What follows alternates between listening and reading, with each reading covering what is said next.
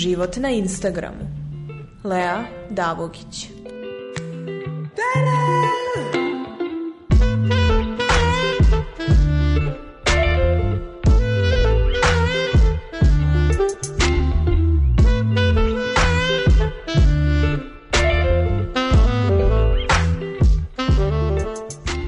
Kada bi me neko pitao čime se bavim, ne znam ni tačno šta bih odgovorila. Možda sam kao prvenstveno DJ, ali sam zapravo ceo život svirala klavir. A onda sam se u stvari bavila manekenstvom, a onda sam prešla na Instagram i sad kao ljudi kažu, to nazivaju influencer, Instagram, jer šta god da sam, ne znam više.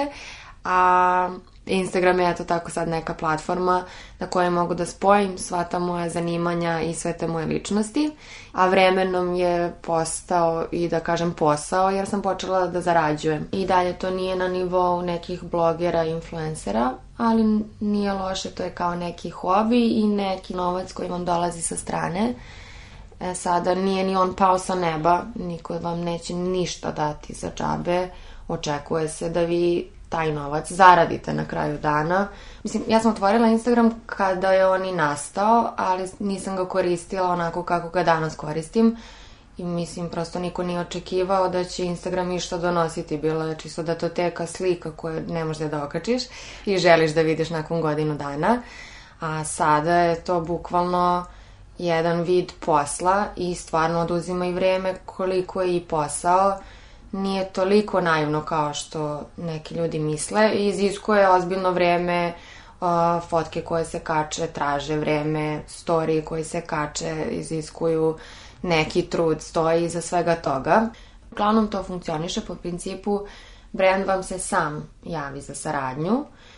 Može da bude u vidu kompenzacije, može da bude da vam neko ponudi godišnji, mesečni ugovor, kakav god. Uh, na naprimjer, kompenzacija znači da vi radite za stvari ili za to šta taj brand prodaje, da li je to šminka, da li je to garderoba, oni vam pošalju nešto, vi to treba da uslikate, okačite, izreklamirate, ne, ne dobijate neku novčanu naknadu za to, nego prosto zadržite te stvari koje su vam oni poslali.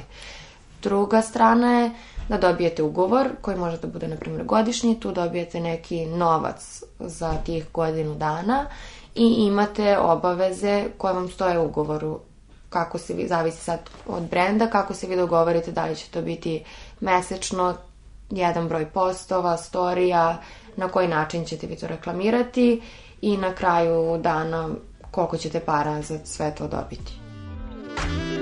Oh,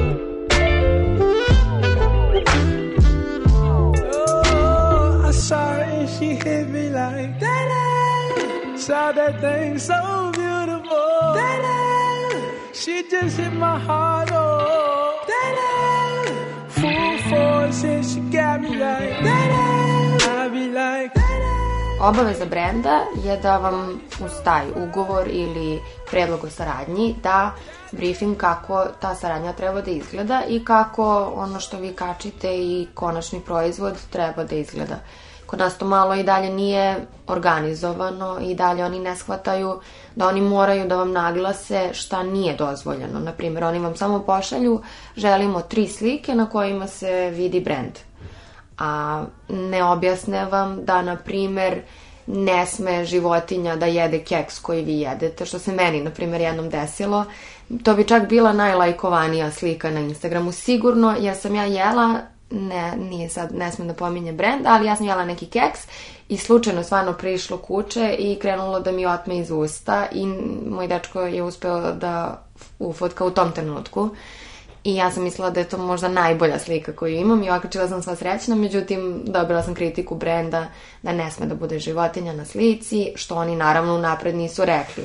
U inostranstvu vi dobijete, ako slikate tašnu, tašna ne sme da bude na podu. I to vam stoji napisano u ugovoru, u briefu ili tako dalje. Kod nas to ne postoji. I onda je na kraju ispalo mm, da, na primjer, oni bi mogli da dobiju kritiku ljudi kako je kao toliko loš keks da samo kučići jedu. Što meni nikad ne bi palo na pamet, meni je čak bilo kontra kao toliko je dobro da ti je kuće otelo, ali eto, na primjer, postoje neke tako sitnice o kojima kao normalan čovek ne razmišljate. Prosto nismo svi u marketinškim agencijama i onda ne razmišljamo o tako nekim sitnicama, na primjer, da li kako će ljudi to moći da prokomentarišu. A što je najgore na internetu, svako traži da vam prokomentariše nešto loše. Mislim da je 90% komentara, nije da kažem 90, ali ljudima je mnogo lakše da vam nađu neku lošu stranu nečega i da vam upute kritiku nego da, vam da vas pohvala. Samim tim na nama je mnogo veća odgovornost i mnogo nam je teže jer sve što radimo sada ti prvo moraš da razmisliš šta može da bude loš komentar.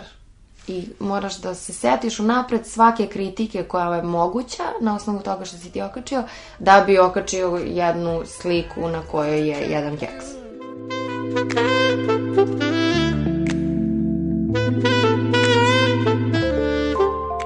Broj pratilaca jeste važan, nije presudan. Moram da pomenem, na primjer, ja sam dobila od Riboka prve stvari kada sam imala 3000 followera. Znači, nije im bilo presudno to da li ja imam 40.000 ili 3. Ali neke druge stvari se nisu desile dok nisam došla do 20.000. Neki drugi brendovi koji su rang Riboka su se javili kada sam bila na 20.000 pa sam morala da odgovorim, žao mi je, ali oni su se javili nevezano za broj. Znači njima sam bila zanimljiva kao ličnost, a ne kao neka brojka na Instagramu. Ali dobro, sada naravno dobijam mnogo više poslova jer imam i veći broj pratilaca i jeste vezano. Ali s druge strane to sad vodi do toga da deca padaju u depresiju ako nemaju određeni broj pratilaca. Sad postoji ona cela priča da li će Instagram ukinuti uopšte broj followera da možeš da vidiš, kao moći ćeš možda samo ti da vidiš svoj broj.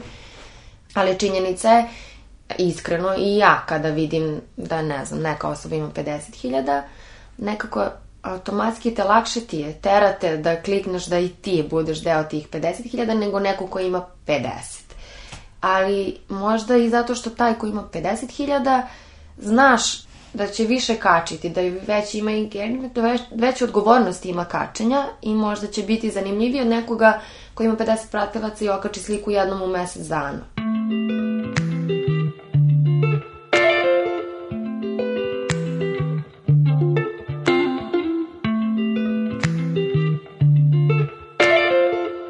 Stvarno zavisi od zanimanja sigurno da matematičaru ne treba Instagram ali ako se baviš nekim javnim poslom, mislim da je sad presudno da, da postojiš negde. Kako bi neki klub u Beču znao da postoji neka devojka iz Srbije koja pušta hip-hop, da nema baš tog Instagrama. Mislim, ok, puštali su i ranije ljudi i postojali su DJ-evi i znali su ljudi, ali mnogo je teži bio put. Tada si morao sam da pošalješ, na primjer, lep primjer za to je Tijana koja je slala to ne znam koliko je rekla, ali slala je sto mailova dnevno klubovima kao hej ja postojim. Sada je to malo lakše, meni je lakše sigurno nego njoj pre 10 godina jer ja ne moram da pošaljem 100 mailova, nego će ne znam sam klub slučajno doći do mog profila, neko će od DJ-eva s kojima sam radila u inostranstvu me okačiti na svoj story, pa će onda vlasnik kluba za koji on radi videti za mene, pa će kliknuti, pa će automatski doći do mene. Sve je brže i sve je lakše, ali mislim da je presudno da postojite na internetu.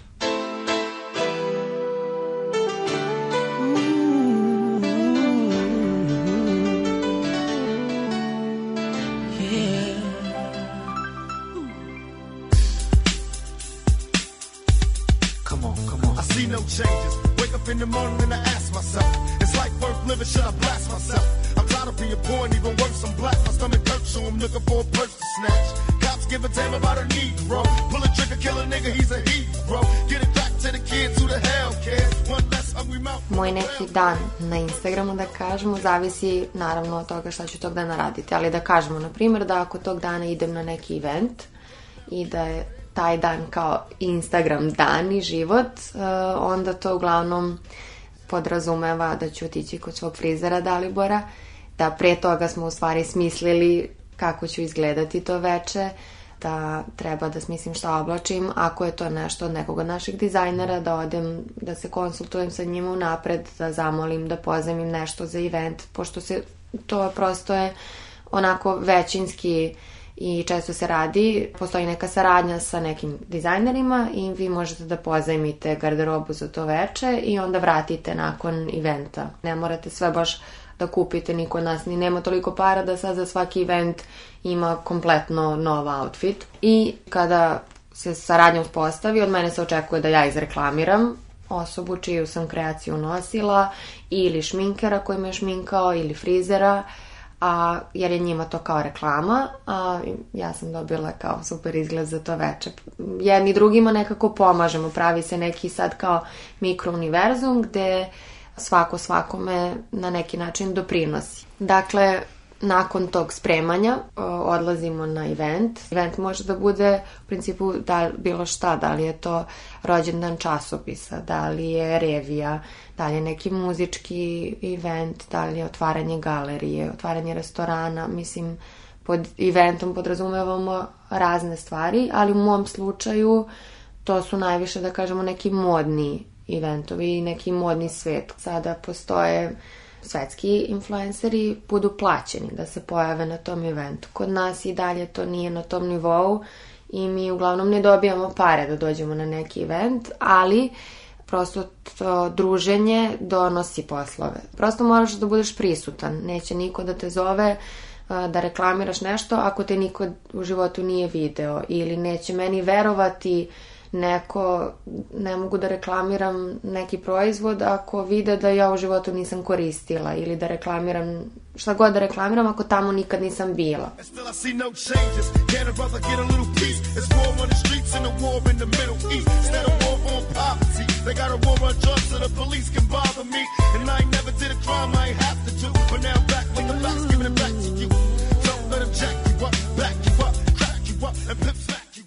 poenta cijelog ovog kao mog Instagram života je to što ja volim to i stvarno e, ne volim ljude koji se bave time, a onda kukaju kako je to mnogo teško. Znači, zašto onda to radiš? Ja nekako to radim zato što se meni to sviđa, vidim efekat toga, donosi mi nešto i nije mi teško. I sve, svakome je nešto teško i svima nam je u nekom momentu teško i meni je nekad mnogo teško i ne šminka mi se taj dan i ne priča mi se taj dan i tako dalje. Ali mnogo je manje tih momenta u odnosu na one lepe moment Moram da priznam, sad ja volim kad mi neko pošalje da mu je nešto lepo bilo, što sam okačila, da mu se nešto svidelo, da sam nekog inspirisala na nešto. Prosto mislim da smo svi egoisti u nekoj meri da nam svima prija da sad neki ljudi sa strane nas pohvale. I eto, kao moram da priznam da volim i taj deo tog posla. Volim da delim nekako takav, takva sam osoba, meni to nije naporno, meni je to prirodno i super mi je da neko ima uvid kao u moj život. Neki ljudi to baš ne vole i to je okej svako ima pravo da bira da drži svoju privatnost za sebe ili ne. Meni je super što ne znam, sad svako od nas može iz svog ugla da kaže nešto i da izrazi svoje mišljenje i da skrene pažnju na nešto i mislim da je ono princes Dajana, na primjer prva osoba pre Instagrama zapravo živela Instagram život, a nije imala mogućnost da kaže svoju verziju, nego je bukvalno kako su paparaci i novine predstavljale, e tako smo mi gledali njen život, a ona nije imala život, ona bukvalno nije mogla da izađe iz kuće, da to ne uslika i ne vidi ceo svet.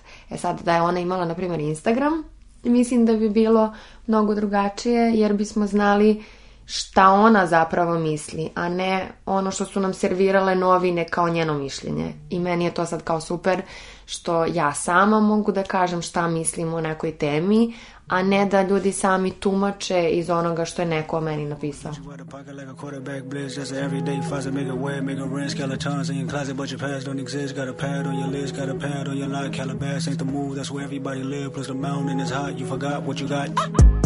Svako od nas bira kako će da koristi mreže. Može da se stvori lažna slika, a može i neka iskrena da se gradi. Jasno je da nisu svi onako presrećni, nemaju svi toliko para, nemaju svi tu garderobu koju kače, ali, mm, na primjer, ja volim da koristim Instagram da stvarno pokažem kako izgleda neki moj dan, a s druge strane volim da onako da učinim i drugim ljudima jer ljude zanima, na primjer, najviše od svega koje si karmin stavila, što meni nije baš mnogo drago. Vola bi da me pitaju više koji je film ili koja je pesma nego koja je to Carmen, ali mora da se napravi neki kompromis, pa onda kačim i Carmen koji sam stavila, ali onda kačim i muzej u kom sam bila, i omiljene slike, i svoje neke, ne mogu kažem političke stavove, ne volim previše da se bavim politikom, ali prosto neka moja razmišljanja o nekim temama današnjim. A mislim da na tom Instagramu stvarno postoji dosta laži u jednom smislu moje fotke jesu obrađene, obrađene su fotografije koje fotografi postavljaju, meni šalju i prosto profesionalna fotkanja, uvek su photoshopirane slike. Ali moje slike, stvarno, eventualno vsko filter se promeni, nema trunke, Photoshop u tom smislu nema smanjivanja, nema povećavanja i tako dalje. A mislim da ljudi ne znaju, to jest mnogi mladi ljudi ne znaju i ono zumiraju slike, misle da struk može da bude 30 cm i previše takvih slika, tako da stvarno se trudim koliko je god moguće da okačim sliku stvarno bez šminke sa podočnjacima. Dobro, imam ok kožu, pa ne mogu da kažem sada da imam ne znam koje akne, pa kao evo baš sam car, stavila sam sliku bez šminke. Imam sreću da imam lepu kožu, ali imam velike podočnjake i mislim da nije ok da to se nikad na mom profilu ne vidi i da ljudi misle da izgledam kao Photoshopirana. A većina Instagrama zaista koristi forice i fazone i devojčice to ne znaju i onda one misle da tako treba da izgledaju i onda su nesrećne što ne izgledaju tako i došli smo do toga da meni posle nastupa prilaze devojčice sa upaljenim Snapchat filterom, onim sa vatricama, sa zvezdicama i tako dalje i već su im upeglane, upeglana su im lica i sad ona nije meni prišla s tim filterom zbog mene, da mene uslika tako, nego ona više sebe ne može da vidi bez tog filtera. I to je ogroman problem i mislim da mi imamo neku odgovornost da postavljamo stvari par s vremena na vreme onakve kakve stvarno jesu. Sigurno je meni lakše da pazim šta kačim i da razmišljam o tome kakvu sliku stvaram i šta u stvari na šta inspirišem ljude time što kačim nego nekoj devojčici koja nema formiran stav e, mislim da je to isto kao modeling svet tu mi je nekako slično mišljenje ja sam u modni svet ušla ok, počela sam sa 14 ali sam prestala jer sam išla u školu nisam mogla i tako dalje i zvanično sam počela sa 24 godine. Što je kao za modni svet već kasno, ok, ja sam imala sreću da izgleda mlađe, pa je sve to prošlo. Ali mislim da je to sreća što sam ja imala 24 godine, jer je nemilosrdan svet. I ako nemaš svoj stav, nekako lako je da te ljudi usmere da naprave sami nešto od tebe, jer ti nemaš mišljenje. I mislim da isto važi i za Instagram, da je lako je meni a nije lako nekom detetu i šta jedno dete koje sedi kod kuće zna šta je stvarnost. Možda i ne bi trebalo deca da imaju Instagram do nekih godina, ali koja to sad može da iskontroliše. Mislim da ne bi bilo loše da postoji neki age limit kada možeš da napraviš svoj profil, jer šta će stvarno detetu od 10 godina Instagram? ali sad drugačije je vrijeme. Mi nismo imali mobilni, sada je normalno da svako dete ima mobilni za 10 godina. Ne možeš nekako da se boriš protiv tih. Previše je sve, prebrzo je sve otišlo da sad nema povratka, pa kao jedino rješenje je da mi stariji budemo odgovorni za tu decu, pa da mi više pazimo kakvu ćemo sliku o svetu njima dati. Eto, možda je kao to neko rešenje.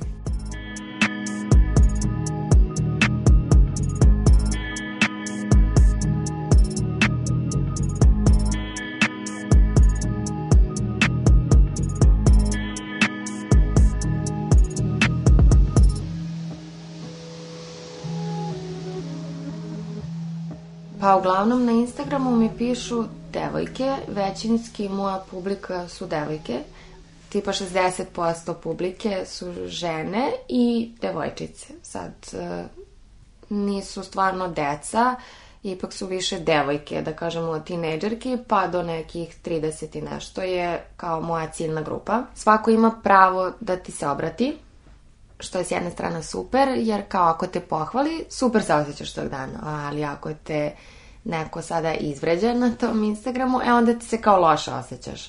I to je većinski kod mlađih problem. Mislim da stvarno naša neka generacija nije tako odrasla, mi nismo navikli da možemo da se obratimo. Ja nisam mogla da odem da jednoj, ne znam, Madoni kažem šta ja mislim o njoj a sada njoj svako može da kaže, meni može svako da kaže i mnogo im je lakše da dopru do mene i sad kao trudim se da me to ne zaboli jer ako mi je prijalo da mi je neko rekao nešto lepo za mene, onda kao nije ok da se žalim ako me neko i izvređa na tom internetu, a na kraju dana ipak me uvek zaboli jer se kao trudiš oko nečega, to je tvoj trud sada, da li je to nekome ok ili nije, nemoj da gledaš ako ti se ne sviđam, prostoji, postoji unfollow ili samo ne ulaziš tom nekom na profil.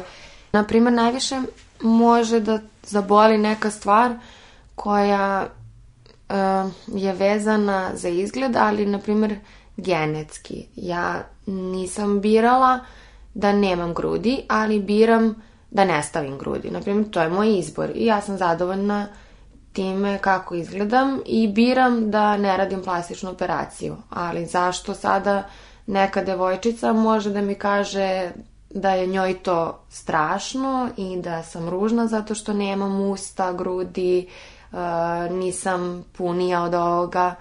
Prosto tako sam rođena i mislim da je stalno nepravda po meni, možda zato što kao, eto ja sam mršavija, ali stvarno mislim da se ne govori dovoljno o tome, nekako je uvek to jest nikada nije ok da nekome kažeš da je puniji i to je zaovek neka strašna stvar, a uvek e, je ok da nekome kažeš jel jedeš nešto.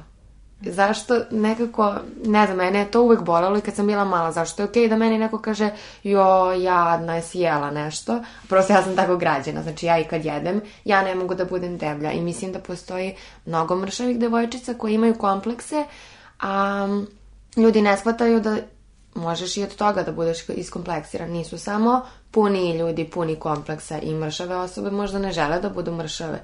I sada deca ne shvataju da kada jednoj devojčici od, ne znam, 10 godina kažeš gde su ti grudi i zašto si tako mršava, da možda i ona ode kući plače i pokušava da jede i jede na silu, a u stvari ona ne može toliko da pojede i onda povraća i mislim da se psihički poremeće i dešavaju i zbog toga, a ne samo kao zbog debljine. Ili, ne znam, postoji sad tu... Da, može, dešava se kao kako si ružna bez šminke. Stvarno, ne mogu da kažem, ne kukam sada, ne dešava se često. To je samo jedna strana medalje i govori o tome sada da li kako se izboriti i sa tim. Prosto mislim da ne treba da shvatamo lično to što svako ima pravo na mišljenje dovodi do toga da neminovno je da ćete dobiti i loše komentare.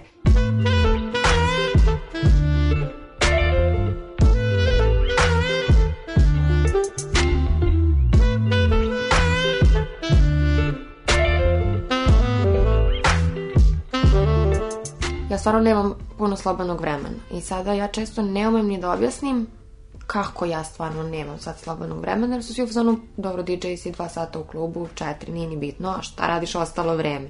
I sad ja samo sa sobom kad se tako, mislim, pitam se gde mi ode stvarno vreme, ok, idem na razne neke časove i usavršavanja, jer opet na kraju dana treba će mi uvek za nešto, a drugi deo vremena zapravo jeste otišao na taj Instagram. Koliko god je meni prirodno, i ja ne razmišljam o tome, nije mi teško, nije mi napor, iziskuje vrijeme. I ako mi to dođe samo od sebe i ako ću ja da prirodno snimim nešto što se desilo, s druge strane veliki deo kontenta nije ušla sam u stan snimila mačku, nego sam zapravo isplanirala da nešto snimim za taj Instagram. Mislim, opet ja nisam, uvijek govorim, ja nisam baš kao samo influencer. Meni oduzima možda manje vremena nego ljudima koji se samo time bave i onda planski uh, ustaju u šest ujutru zato što je Brooklyn Bridge prazan u šest ujutru.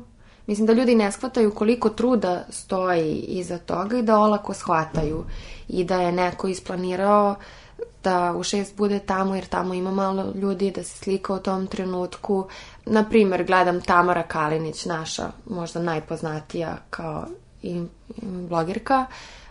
Stvarno joj je život podređen samo tom blogu, vlogu i Instagramu i devojka 24 sata živi taj život i preslači se u kolima i trči na šest revija za redom i mora na svako da stigne jer je unapred obećala da će stići, unapred je dobila pare i nije bitno da li je gužva u saobraćaju, da li se preklapaju vremena, prosto devojka mora da bude otprilike na pet mesta u isto vreme i ljude ne zanima kako će ona to da izvede i da li je to realno.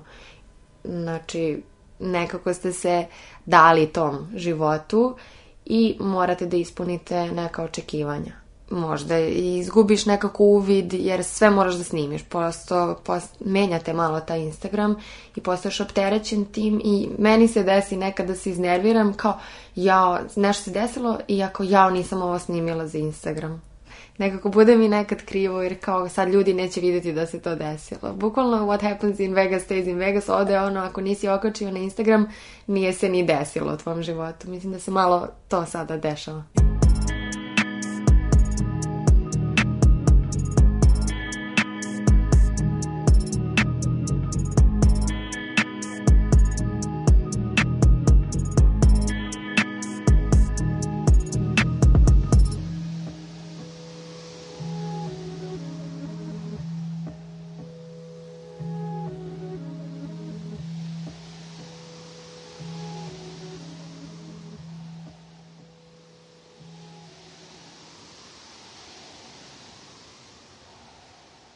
jednom se desilo da je Instagram pao na jedan dan i da nam nije radio ceo dan Instagram, pritom smo stvarno imali neke plaćene postove u tom danu koje je trebalo da okačimo i kao ti sad dobiješ datum kog datuma kačiš i ti dobiješ pare za to i onda se kao tog dana sruši internet i ne radi Instagram.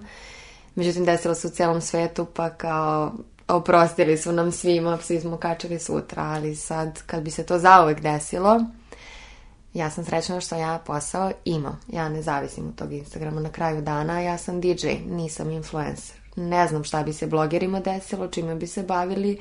To mi je onako nekad i zanimljivo da pomislim, pošto stvarno cenim veliki trud i iza toga, uopšte ne podcenjujem. Jeste posao, ali, na primjer, šta bi se stvarno desilo kada ne bi postao, šta bi njihov posao bio i šta bi njihova uloga u ovom svetu bila. Ja bih na kraju dana ipak imala neku ulogu. Ja sam i dalje DJ ili i dalje sviram ili svakako posao bih imala. E Sada, da li bi mi dalje bilo toliko lako da nalazim dalje poslove, ne znam, sigurno bi mi odmoglo jer mi ovo dosta pomaže. Znači ne bi mi bilo toliko lako bez Instagrama, ali bih imala i dalje svoj identitet i posao.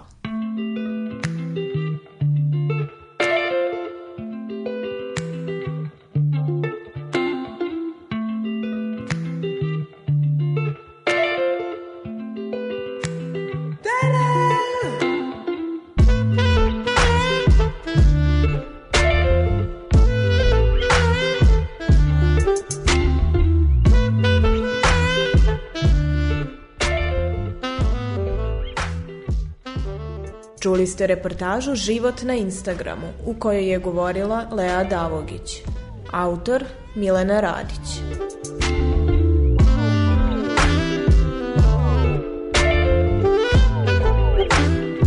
Oh, saw she that. beautiful. she just hit my heart. Oh, Full force. ay, ay.